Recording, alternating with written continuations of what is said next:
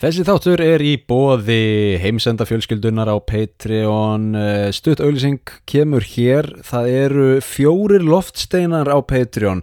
Það er fólk sem borg, eða fyrirtæki, sem borga 30 dollara á mánuði og þetta eru Þorger Pálsson, Óskar Kemp, Discover True North og ein skilabóð til alheimsins, punktur, punktur. Uh, innan gæðsalapa allir geta sagt sig vera umhyggjusama en fylstu með gjörðum þeirra ekki orðum.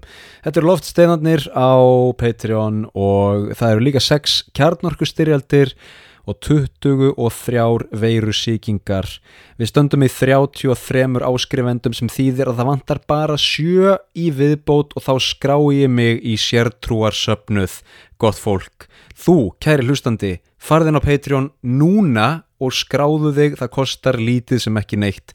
5 dólarar á mánuði, 700 krónur það er eins og cappuccino og þá farðu aðgangað öllum þáttum, öllu efni og öllum myndbandsþáttum sem ég geri og hjálpar mér að borga reikningana. Takk fyrir það og takk fyrir að hlusta og hér kemur þátturinn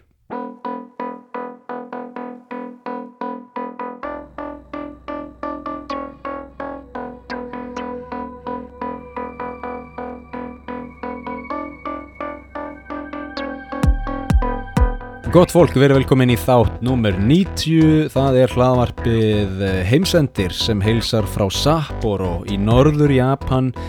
Eh, eins og oft áður þá sit ég hér ber að ofan. Ástæðan fyrir því er einföld. Eh, það er heitt í Japan. Á sumrin er heitt í Japan. Hvern hefði grunað og sko Tókjó er náttúrulega það er svo heitt í Tókjó og það er algjörlega ólíft þar.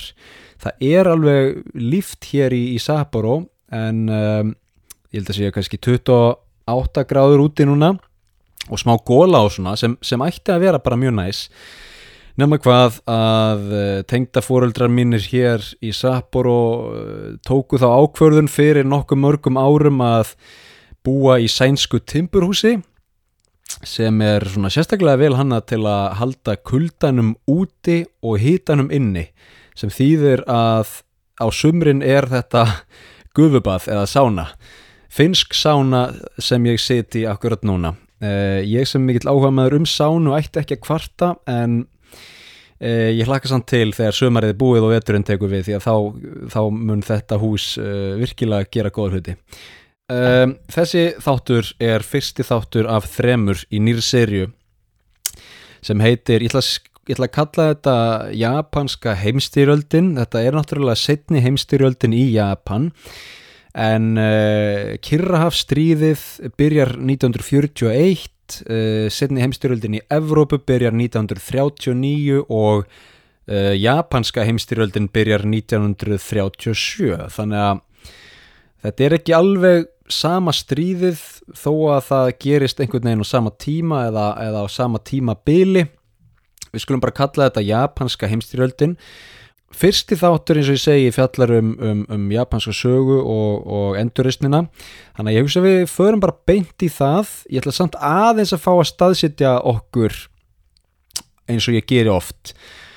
Uh, ég kom til Sapporo, við erum fluttið Sapporo fluttum í gær og þannig að vestlunumanna helgin mín var uh, bara svona svolítið á fjórum fótum mikið að skrúpa gólf og og þrýfa klósett og svona annars likt uh, við verðum síðustu nóttinni í Tókjó á hóteli og ég hljópi kringum keisaragarðin ef að fólk fer til Tókjó þá mæl ég virkilega með því. Það er 5 km hlaupaleið í kringum keisarahöllina í Japan þar sem keisarin býr.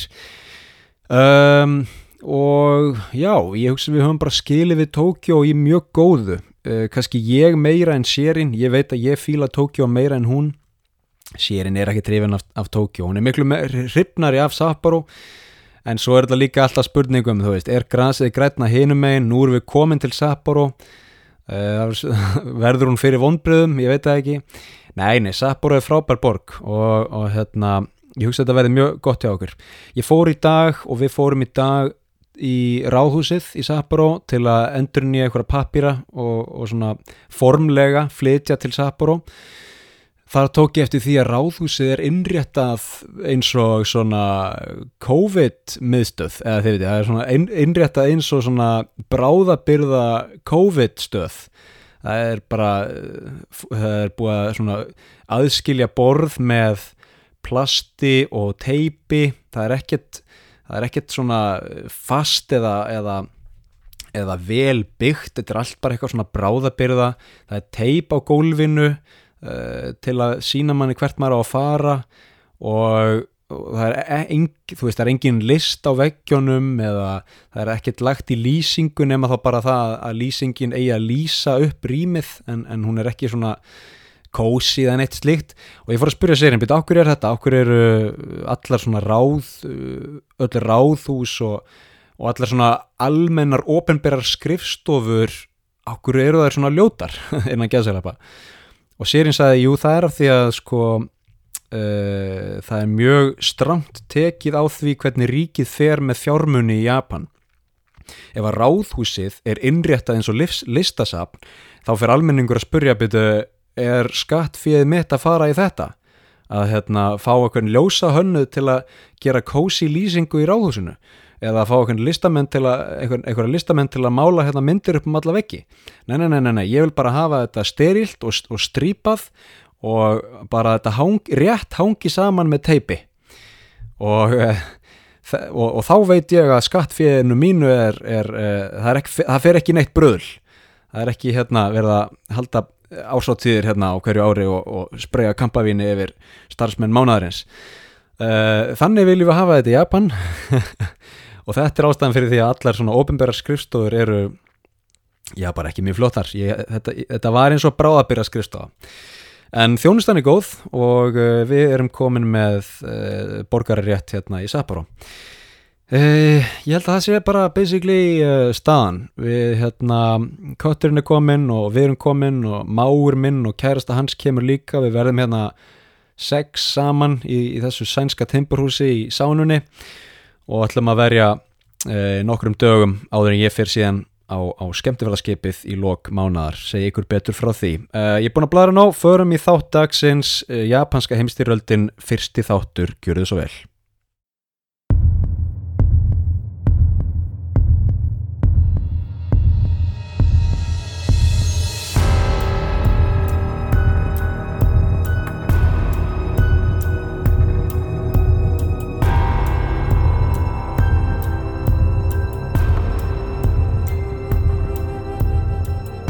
að byrja á því að ræða Meiji endur reysnina. Árið 1868 varð ein mikilvægasta breyting á japansku stjórnarfari í sögu landsins. Tokugawa herrstjórnin sem hafði stýrt landinu í tæp 300 ár leið undir lok og vek fyrir keisaravaldi þáverandi keisarans Meiji. Þess vegna heitir þetta Meiji endurreysnin. Þetta ár, 1868, markar líka endalók samúræjana sem lögðu nú sverðið á hilluna og tóku upp penna þess í stað. Til að mynda bíómyndin The Last Samurai með Watanabe Ken og Tom Cruise. Hún fjallar um þetta. Nú tók við svo kölluð Meiji endurreist þar sem Japan keftist við að nútíma og yðnvæða landið að evrópskri fyrirmynd. Einn stærsta ástæðan fyrir endurreysninni var ótti ákveðin að hópa við vestræn áhrif. Ekki bara menningarleg, heldur líka bein áhrif hernaðar eins og nú þegar mátti sjá gerast í Kína. Þarna var Hong Kong í söður Kína til að mynda orðin bresk nýlenda og Macau hafiði verið portugalsk nýlenda allt frá 1557. Aðeins síðar Árið 1898 tók Þískaland sér nýlendu á austurströnd Kína í hafnarbænum Tsingtao og réði þar lögum og lofum allt til 1914. Þar var einni lagður grunnur að bjórframleiðslu í Kína undir nafninu Tsingtao sem er fínasti lagerbjór, einn vinsalegsti lagerbjór í heimi. Ef að fólk fer á kínveska veitingastæði þá er ofta hægt að fá sér Tsingtao og ég fengi mér Tsingtao, hann er góður. Og ég spyr mig, byrju Kína og bjór, ég hefði haldið að Kína væri meira í einhverju hrískronavíni eða kartöbluvíni eða einhverju slíku. Ég vissi ekki að það væri bjór í Kína. En þannig er einmitt komin tengingin. Jú, þetta er frá Hafnarbæ þar sem Þískaland uh, réði lögum og lofum og setti upp bjórverksmiði þannig að það er alltaf einhver saga á bakvið þetta aftur að Meiji endurreistninni um, þessi endurreist eða þessi stefna, þessi stefnubreiting var ekki niðurstaða þjóðar atkvæða greiðslu. Upphaf hennar var í raun valdarán sem átti sér stað í Kyoto þegar völdin voru tekin með afli og færð aftur í hendur keisara. Sem sagt Japan var keisaraveldi í mörg hundruð ár en fyrir endurreistnina hafði keisarin mist nánast öll völd síðan koma keisara sinnar til sögunar og með Meiji endurreistinni með þessu valdaráni færa þeir, að öllum líkitum völdin aftur í hendur keisara Þarna var Japan nýbúið að opna landamæri sín gangvart um heiminum og vesturvöldum og þeim leist illa á það sem þau sáu. Vesturvöldin voru yðnvætt og með stóra og uppluga heri, sérstaklega uppluga sjóheri. Ef Japan gerði ekki slíktið sama, erði Japan undirokað, alveg svo Kína, og jável gert að nýlendu. Og til þess að bregðast við þessu, til þess að yðnvæðast og nútímavæðast, sendi Japan vísindamenn, stjórnmálamenn, listamenn og fleiri í rannsóknar leiðangra vestur til Evrópu og Bandaríkina. Þó þau hafi líklega silt í austur í því tilfelli. Verksmiður voru heimsóttar, vopnaframleiðsla skoðuð, japanskir málarar fóru að stúdera vestrið og væs vörsa. Vestrænir málarar fóru líka að stúdera japanska list sem hafiði verið einangruð mörgundur ár. Til að mynda var Claude Monet undir miklum áhrifum frá Japan. Sem sagt, brúin milli austurs og vesturs hafiði verið byggð. Áfram hjælt endurreysnin. Árið 1871 var japanski herin formlega stopnaður. Skattkerfið, ríkisfjármál, mentun og fleira, allt var þetta sameinað og samræmt undir einni stjórn. Árið 1889 var þingstofnsett og ný stjórnarskrá samþygt og gefin japansku þjóðinni sem gjöf beint frá keisaran. Hvort að hann hefði skrifað stjórnarskrána algjörlega sjálfur er annað mál, en þarna er komið fram fræ að þeirri keisaradýrkun sem við munum sjá meira af. Að keisarin sé guðlegur og að hans vilji sé heilagur. Keisarin er yfir hernum, sjóhernum, ríkistjórninni og lögjafavaldinu. Þróunin helt áfram. Lestarteinar voru lagðir og lestir hófu gangsinn, framleiðsla á kólum, járni, kopar, gulli og silfri jógst og varð mikilvægur yðnaður. Samskiptakerfi var sett upp og tengdi saman borgir og sveitir, norðrið og suðrið. Sömulegis var sett upp bankakerfi sem gerði enga fyrirtækjum kleift að hefja viðskipti og verslun. Við upphaf 20. aldarinnar hafði endurreysnin, Meiji endurreysnin, náð öllum helstu markmiðum sínum. Japan var orðið stórveldi meðal stórvelda. Það eina sem þurfti var að pröfukeira nýju vélina í stríði við rússa. 1904 til 1905 Russo-japanska stríðið sem endaði með japanskum sigri voru skýr skilaboð til heimsins. Japan er eina stórveldið í Asíu. Reyndar hafði Japan unnið eitt stríð fyrir það. Fyrsta stríðið millir Kína og Japans árið 1894 til 1995 endaði líka með japanskum sigri. Í kjölfarið réðist Japan inn í Tæwan og tók þar völd. Ég ætla að brjóta upp lesturinn, þáttinn, núna með fyrsta hljóð uppbroti. Skulum heyra japanskan stríðssöng frá rúsneska stríðinu, frá rússó-japanska stríðinu árið 1904 til 1905.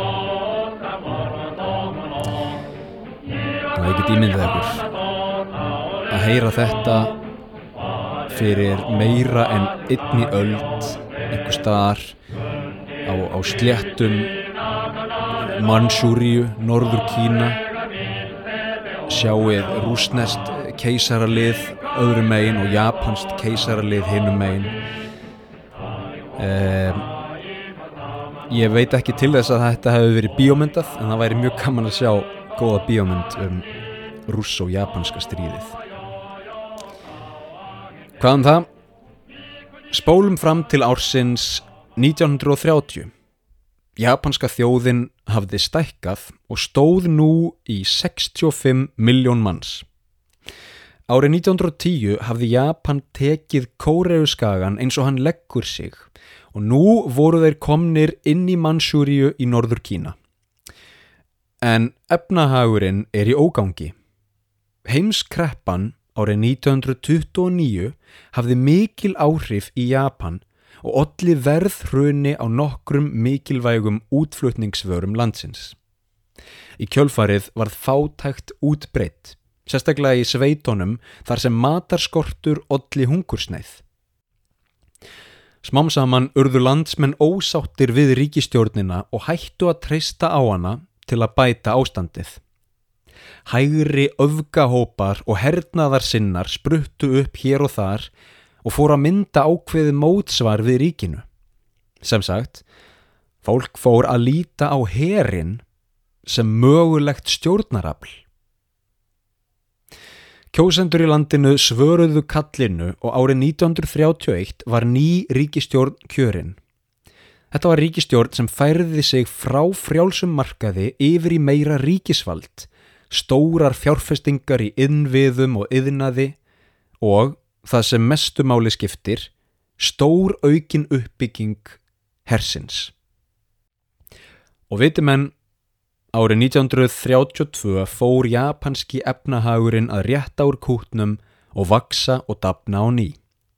Fjármálar á þeirran Takahashi sem stóð fyrir þessari stefnu sildi skútunni í rétta átt og leifðin að sigla áfram í tvö ár, allt til 1934.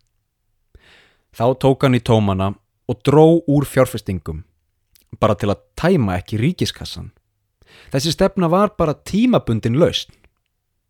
Nefna hvað, að á þeim tímapunkti árið 1934 voru japanski herin og sjóherin orðin risastór öll í japansku efnahagslífi og þeim leist ekki á einhverja aðhaldstefnu. Þeir vildu fulla ferð áfram, meiri fjárfestingu, stærri efnahag, upplugri hér. En fjármálar á þeirran Takahashi let ekki segjast, hann held í taumana. Þá var bara eitt í stöðunni, að fjarlæga Takahashi. Árið 1936 var hann drepinn af hernaðarsinnum, myrtur af hernaðarsinnum. Og þetta dæmi er lýsandi fyrir þá þróun sem átti sér stað á árunum 1931 til 1937 í Japan. Hægt og öruglega færðust völdin frá ríkistjórninni yfir til hernaðar yfirvalda. Við skulum sleppa því að kafa of djúft í þessa þróun. En tökum þessi stað nokkur dæmi um það hvernig herin fór að mynda sér sinn eigin vilja og sitt eigið framkvæmdavald. Hvernig herin hætti að hlusta á ríkistjórnina. Númer 1. Mansjúriu atvikið 1931. Nokkrir japanskir hermenn hefja árás eða innrás í Mansjúriu í norður Kína án samþykkis frá Tókjó. Dæmi 2. 1932. Herin tekur alla Mansjúriu. Þjóðabandalægið, League of Nations á ennsku, sem varð síðar að saminuðu þjóðunum eða lagði allavega grunn að stopnun saminuðu þjóðuna, gagnrínir herrnámið og í kjölfarið dregur Japan sig úr þjóðabandalæginu. Dæmi 3. 1936. Þjóðverðnis sinnar úr hernum gera tilraun til valdaráns í Tókjó. Þrýr ráðherrar voru drefnir og valdaránið stóð yfir í fjóra daga en síðan kom keisarin fram og sagði þeim að hætta þessu. Og þar með endaði valdaránið. Þú fer náttúrulega ekki upp gegn vilja keisarans, hann er guðlegur, hann er heilagur. Þetta er nokkur dæmi um hvernig japanska ríkistjórnin eða japansku ríkistjórninnar á þessum tíma mistu hægt og rólega völdin og japanskur almenningur misti hægt og rólega trúna á ríkinu. Ein ástæða fyrir því að, að, að ríkistjórnin var búin að missa allt álit almennings var einmitt svo að ríkistjórninni hafði misteikist að halda hernum í skefjum. Almenningur horfið til spillingar og lélegrar fjármálastefnu í japanskum stjórnmálum og enn og aftur, sumir innan almenningsins, sumir japanir, litu til hersins sem lausnarinnar. Ef að ríkistjórnin getur ekki gert þetta, ef að ríkistjórnin getur ekki bætt efnahægin og silt skútun í rétta átt, okkur ekki að gefa hernum öll völd. Þeir vita hvað þeir eru að tala um.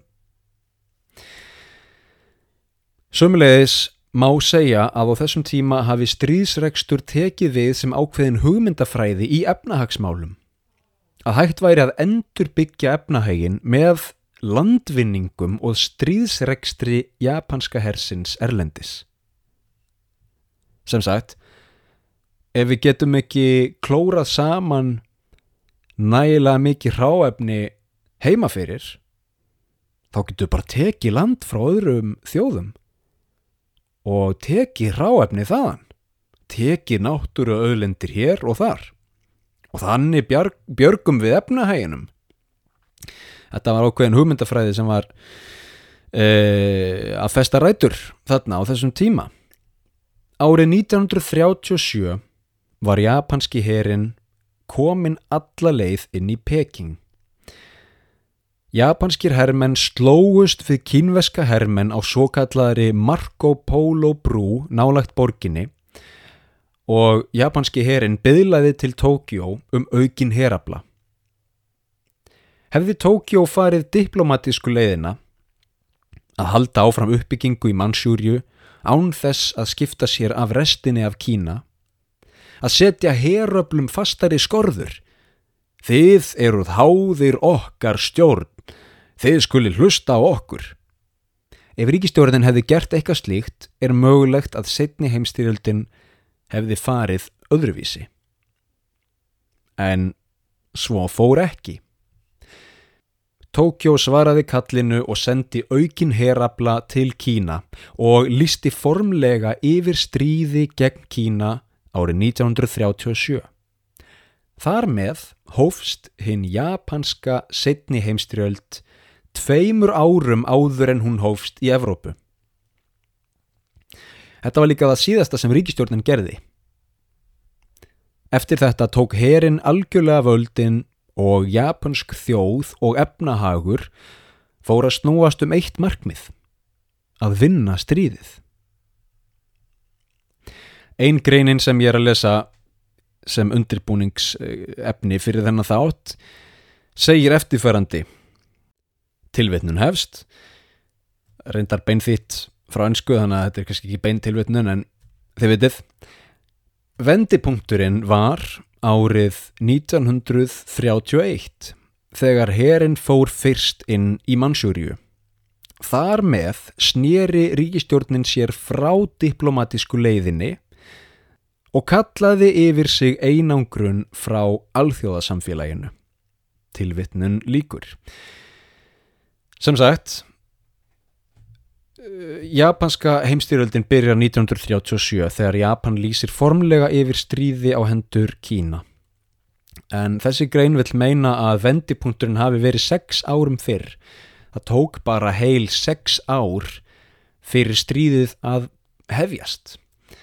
Um, 1931 þegar við munum að þetta er ekki Tókjó, þetta er ekki japanski ríkistöðin sem er að senda herlið inn í Mansjúriu þetta eru japanskir hermenn eða, eða, eða fóringjar innan japanska hersins sem er að beina hernum inn í Mansjúriu og, og bara til að gefa fólki smá mynd þá er Mansjúria nyrsta hér að hérna Kína fyrirgefið sem nær, sem skagar svona eiginlega inn í Rústland eh, nokkuð nálægt bækalvatni í Rúslandi. Þetta heitir Mansjúria, þetta er hérað og enn og aftur fer japanski herin inn 1931 en þó að Tókjó hafi ekki eh, fyrirskipað innráðsina þá gerði Tókjó heldur ekki mikið til að stoppa hana. Þannig að maður getur ímyndað sér að sömur stjórnmálamenn í Tókjó hafi e, ímyndað sér, já já það er kannski fínt að fyrra sig ábyrð en uh, þetta er nú fínt hjá strákunum okkar að, að fara bara hann inn og sækja, sækja smá land. Um, mögulega hefði ríkistjórnin geta stoppað þetta.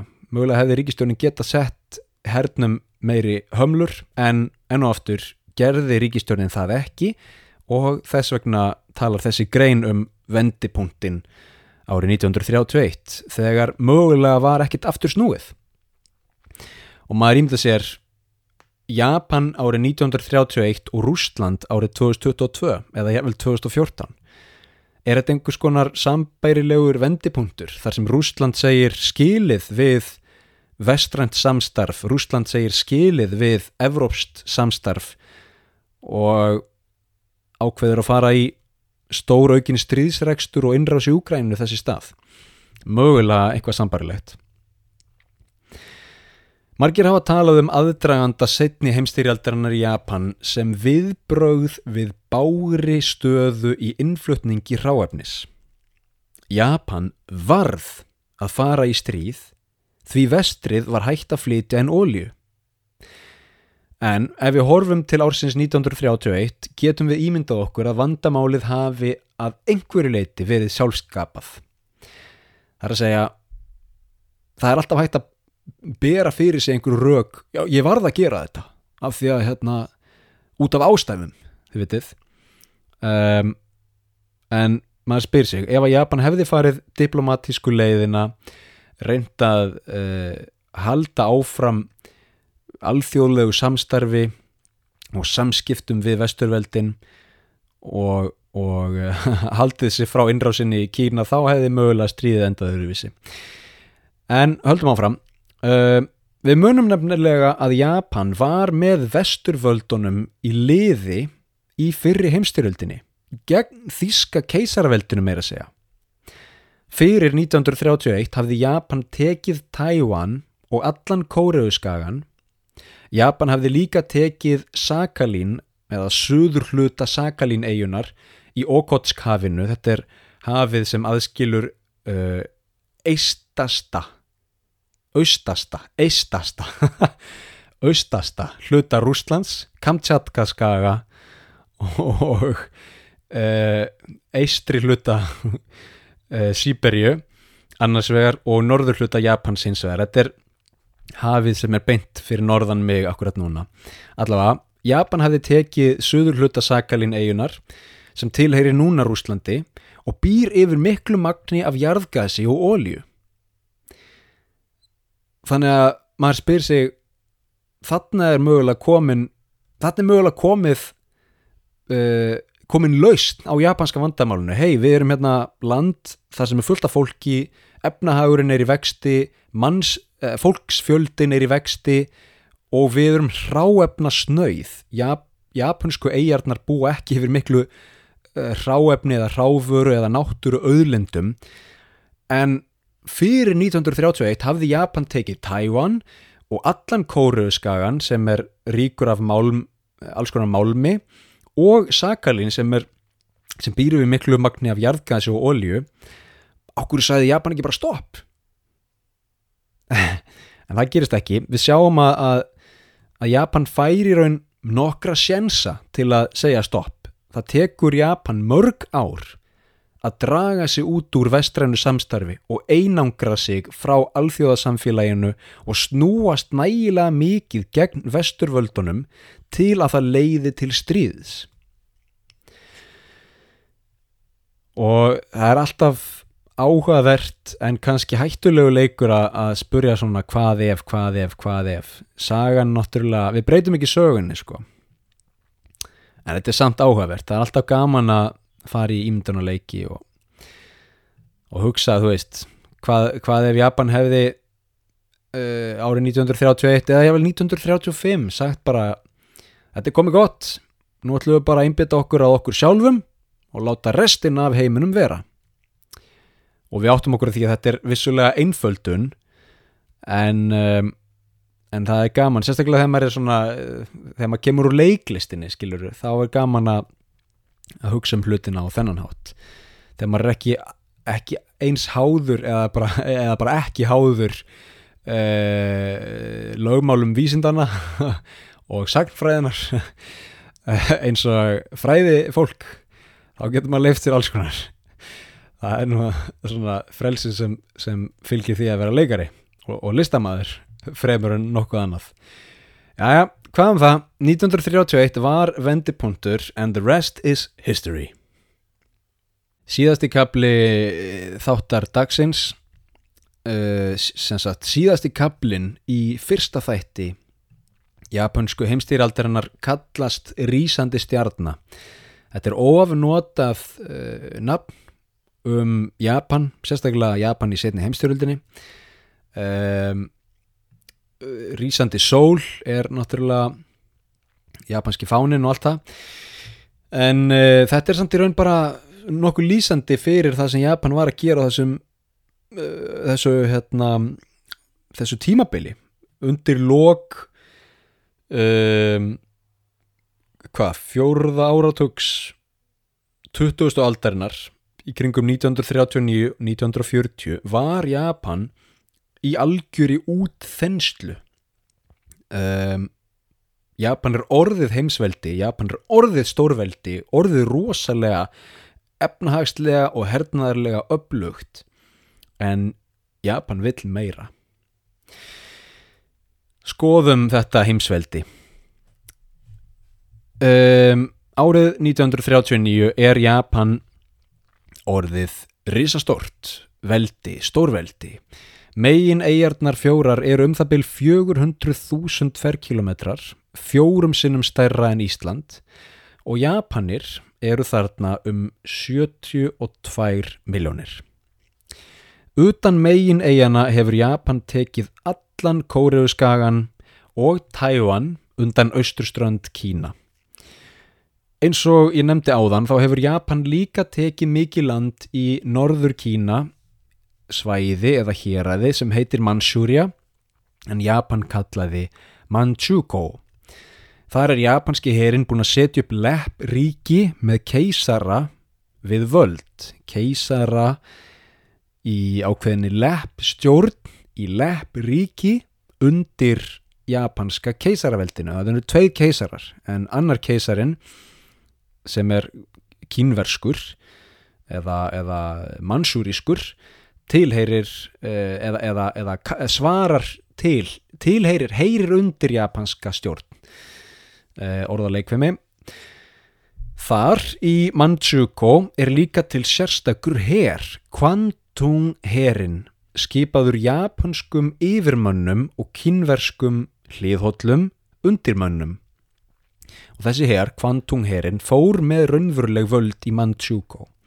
Þannig að keisarin var ákveðin bara svona, eh, hvað segir maður, eh, tákn, tákn, táknmynd fyrir völd á meðan raunveruleg völd voru í höndum Kwantung hersins. Manchukuo var um miljón ferkilometrar, meira en tvöföld stærð Japans og þar byggu um 35 miljónir manns, þar af miljón Japanir. Tökum annað uppbrot þessa þáttar, hljóð uppbrot, við skulum heyra þjóðsöng Manchukuo.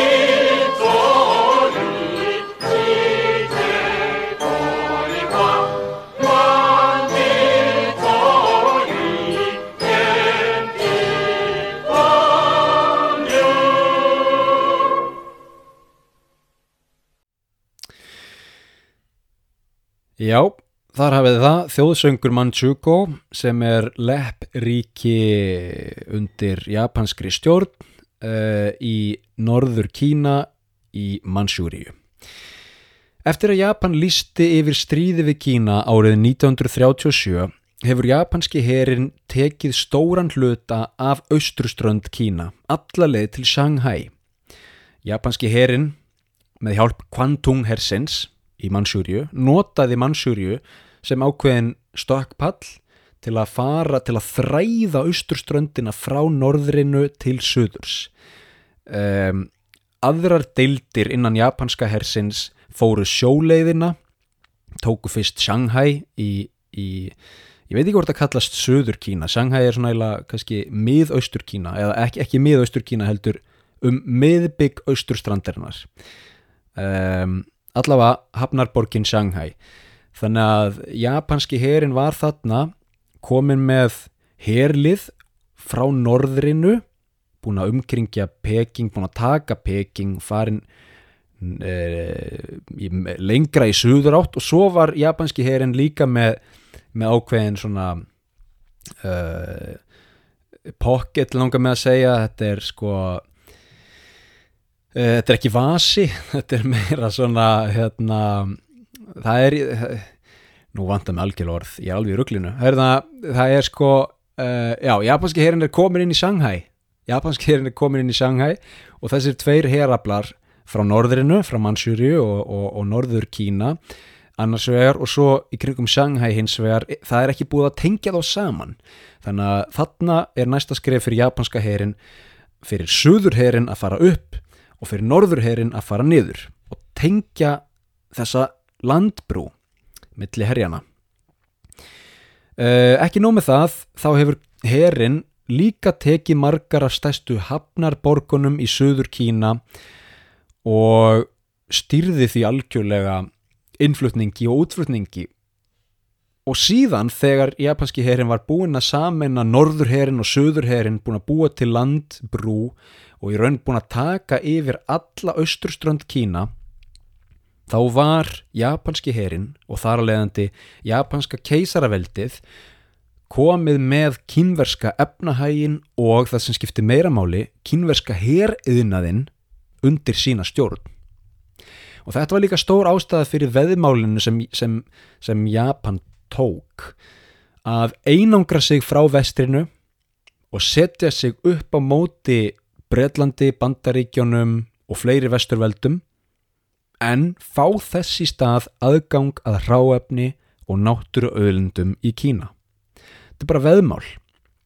Eigum við að setja stopp, við að íta á bremsutna núna og hérna láta mannsjúriu næja og kóriðu skagan og halda vestur völdum góðum halda okkur frá stríði við bandareikin eða eigum að setja bara fullaferð áfram taka bara eins mikið og við mögulega getum og verða bara nógu upplugir til þess að ef til stríðs við bandaríkin kemur þá getum við sagt bara hey, bring it on. Við erum tilbúin. Það er gaman að skoða mismunandi heimildir um stríðið, eða gaman, áhugavert, þetta er náttúrulega, þetta eru hörmungar, við skulum taka það fram, um, en það er áhugavert að skoða mismunandi heimildir um stríðið og sjá mismunandi sjónarhótt. Kínverski kommunistaflokkurinn heldur úti heimasíðu um setni heimstyrjöldina. Þar er sagan aðeins öðruvísi og jafnvel aðeins einsleitari. Það er til dæmis tekið skýrt fram að árið 1895 hafi Japan stólið djáju dá, ég er mjög liðlegur í kínusku framböðriði, afsakið það, sem er eigaklasi, heita Senkaku eigar í Japan, eh, að Japan hafi stólið þessum eigaklasa frá Qing keisaraveldinu. Japanska ríkið vill hins vegar meina að ekkert bendi til þess að Qing keisaraveldið hafi haft neyn afskipti af eigunum áður en Japanir fóru að hefja ferðir þangað. Þess vegna tilheyri þær Japan. Um, þannig að ef, maður kíkir á heimasýður sem Japanska ríkið sérum þá er þetta bara nei, nei, nei, nei, nei, hva, nei, nei, nei, hvað mennur þau? Það er ekkert, ekkert sem bendi til þess að Kína hafi verið hérna. Við, við, við, Japan er búin að vera hérna í bara frá því bara, ég veit ekki hvað, bara mjög langt síðan þannig að við, það er ekkert er algjörlega rugglað lið hérna hinnum einn og svo kíkir maður á heimasíðu sem kýminski kommunistaflokkurinn heldur úti og þá er bara árið þetta þá tók japanski herin uh, þessar eigir og þeim stáluðum þá tók, uh, stáluðum, tókuðum aldrei þannig að maður þarf alltaf að skoða mísbröndi sjónarhótt af því að hérna, það er ekki allir með sama sjón, það er ekki allir með sömu skoðun á málunum.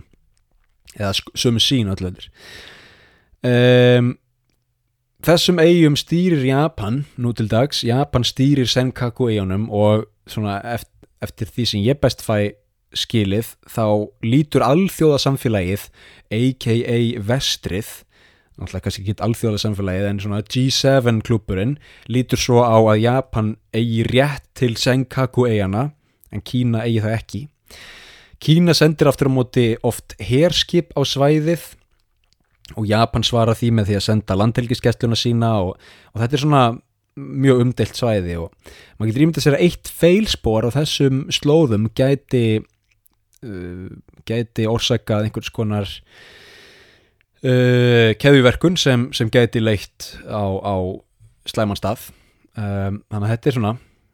Kínverska síðan segir enn fremur við ætla bara að lesa þetta beint tilvetnun hefst Japan's evil ambition raised the alert of European countries and the United States. uh, Þýðing Ílgjarn metnaður Japans vakti auknar áhyggjur Evrópu og Bandaríkjana og þetta er ekkit ránt Eh, að segja að japanski herin hafi farið fram úr sér á heimstýraldar árunum er vægt til orðatekið. Það er umhlað til dæmi um gríðarlega mikinn hrylling og, og, og, og voðaverk sem japanskir hermenn frömdu á þessum tíma eh, bæði í setna síno japanska stríðinu, setna stríðinu milli Kína og Japans 1937 til 45 uh, og í, í uh, á öðrum sviðum setni henstyrjöldinar þar að segja í kyrrarstríðinu uh, gegn bandaríkjórum og, og fleiri löndum, fleiri þjóðum. Uh, Nanking eða Nanjing morðin, stundu kalla nöðguninn á Nanking eða Nanjing eru dæmi um þetta en aftur að öðru sjónarhóttni, japanska sjónarhóttnið við upphaf setni heimstyrjaldarinnar er að Bandaríkin, Bretland, Kína og Holland séu að reka einangrunarstefnu gegn sér. Bandaríkin eru við það að rifta viðskiptasambandi við Japan og banna viðskipti með ráfurur á borðið járn og ólju.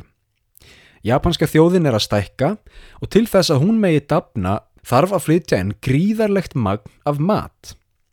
Til að borga fyrir innflutningin þarf Japan að stunda útflutning á sinni framleiðslu en þar koma aftur viðskiptaþvinganir bandaríkjana og annara vesturlanda til sögunar. Sem sagt, eins og rættum á hann, Japans sjónarhótt er á þessum árum 1931 til 37 eða jafnvel til 39 eða jafnvel til 1940 að óvinnir eða, eða uh, svona mót öll gegn japanskri útþenslu séu að reyna einangra japansk markmið, einangra japanska keisaraveldið og ja, vel reyna að svelta það, reyna að koma í veg fyrir uh, útflutning, reyna að banna viðskipti og, og, og uh, séu reyna bara að þvinga Japan í stríð. Þetta er kannski hluti af japanska sjónarhóttinu.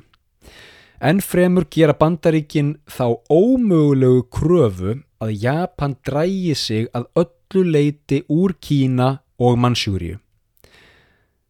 Þetta hljómar líka eins og móturög Pútins gegn vestrætni gaggrinni á stríðið í Úkrænu. Að NATO sé að loka Rústland inni. Að, að NATO og, og bandaríkin sé að reka einangrunarstefnu til að einangra Rústland og umkringja það. Þetta hljóma líka eins og móturög Xi Jinping, núvarandi fórseta Kína, gegn vestrætni gaggríni á hernaður uppbyggingu í Kína. Að bandaríkin séu að loka Kína inni, sem er enda rétt. það er einmitt það sem bandaríkin og, og vinveittar þjóði bandaríkina eru að reyna að gera. Svona endur tekur sagan sig. Eitt sem ég finnst áhugavert að hugsa um varðandi annað síno-japanska stríðið. Síno er, er, er forskeitir eða, eða, eða stendur fyrir Kína. Þess að annað uh, stríðið milli Kína og Japans Þetta var náttúrulega stríð milli japanska keisaraveldisins annarsvegar og þjóðverðnisflokks Kína hinsvegar.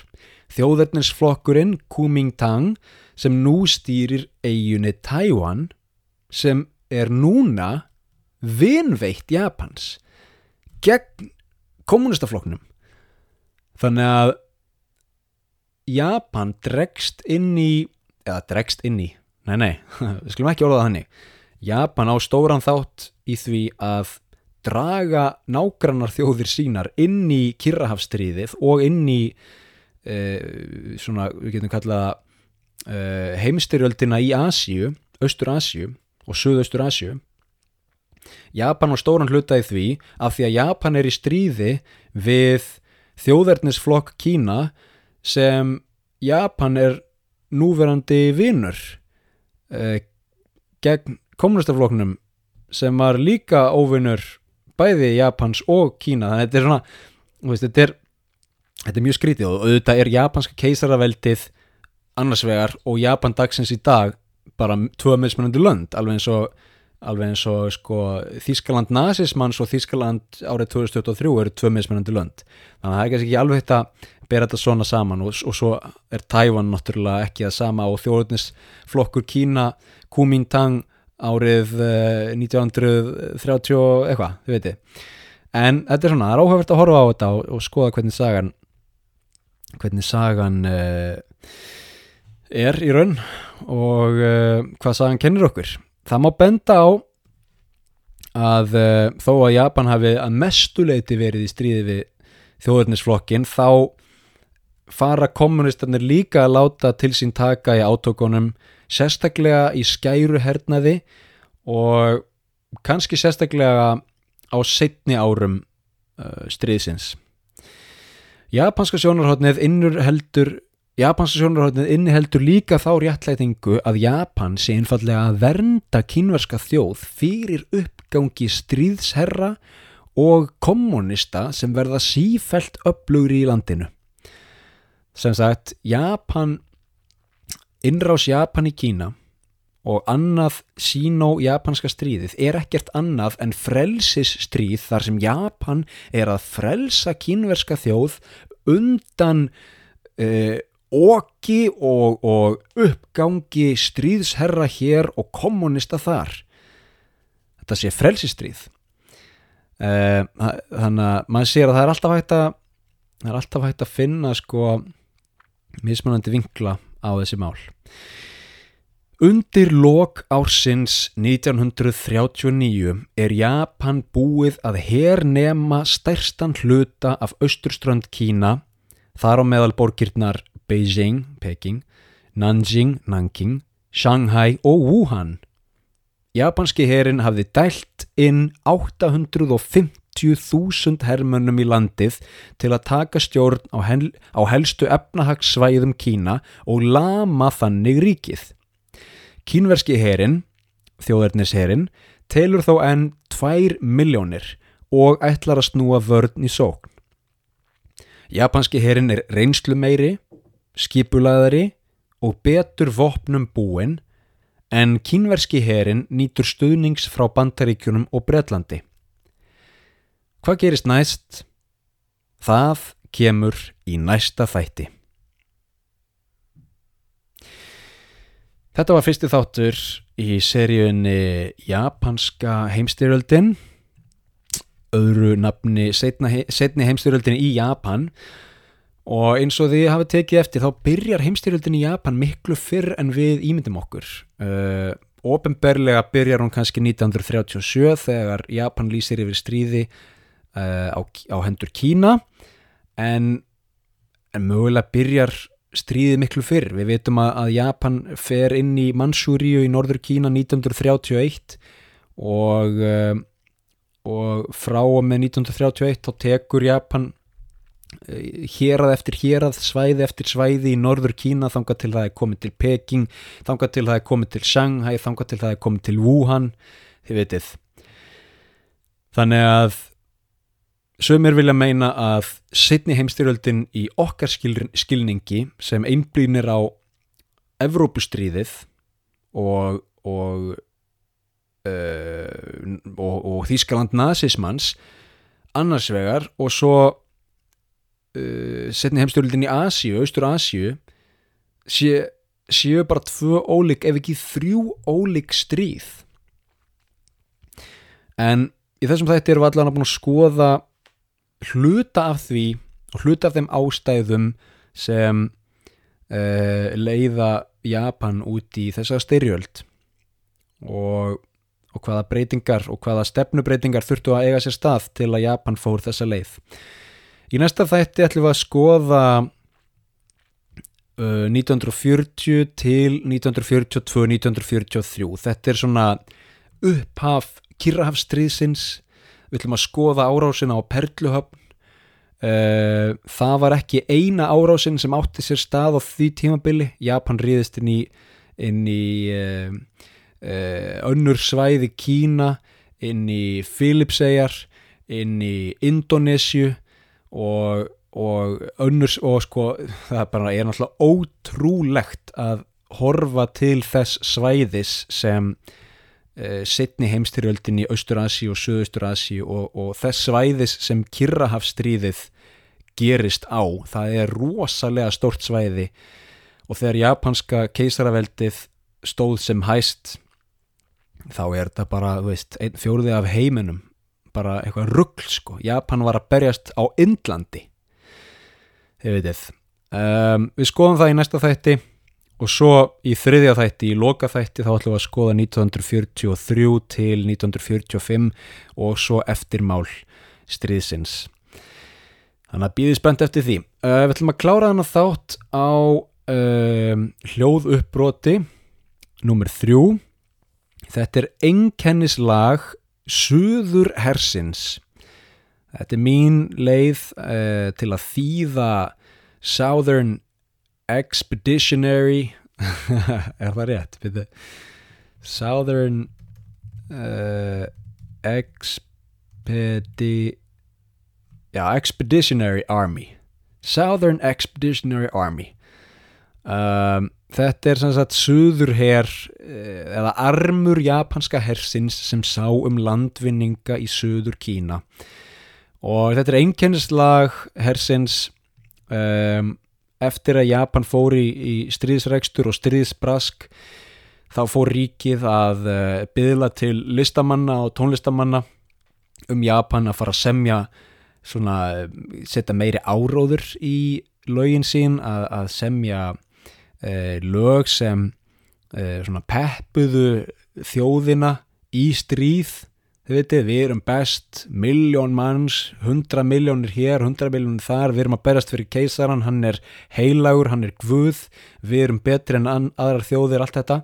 Um, og svo er hann náttúrulega sérstök einkennislög hersins og maður getur ímyndað sér undir árslokk 1939 þegar Suður herin er að marsera í Suður átt allar að taka sífelt meira af, af héruðum og svæðum í Suður Kína og við, við heyrum þetta lag mögulega spilað live af lúðrasveit, þú veist, drömbusláttur og, og lúðrablástur. Þetta er einkennislag Suðurhersins. Takk fyrir að hlusta og við heyrumst í næsta þætti.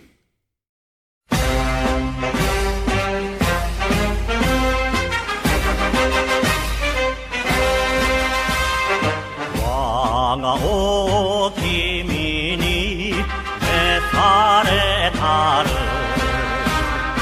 命生えある朝ぼらけ与えておくる。一億の観光は高く天をつく。いざ行け。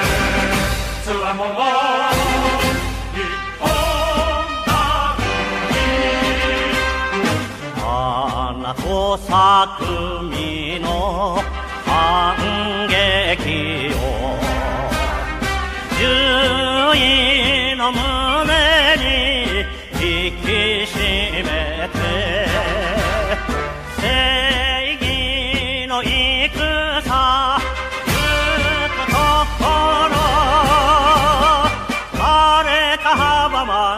のほーをいざ行け。つわもの。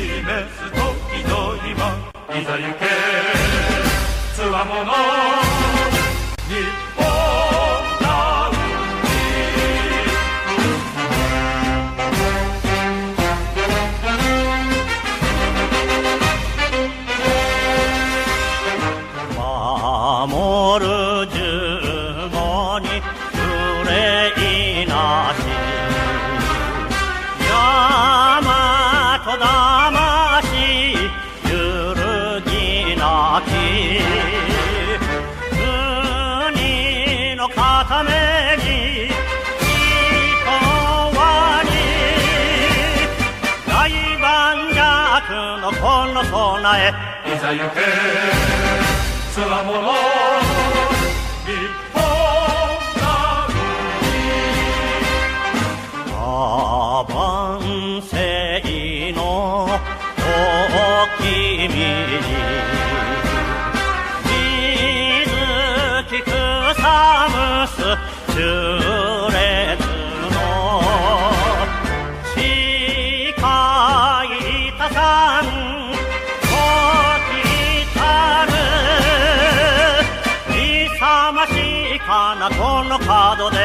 朝焼けつわもの日本た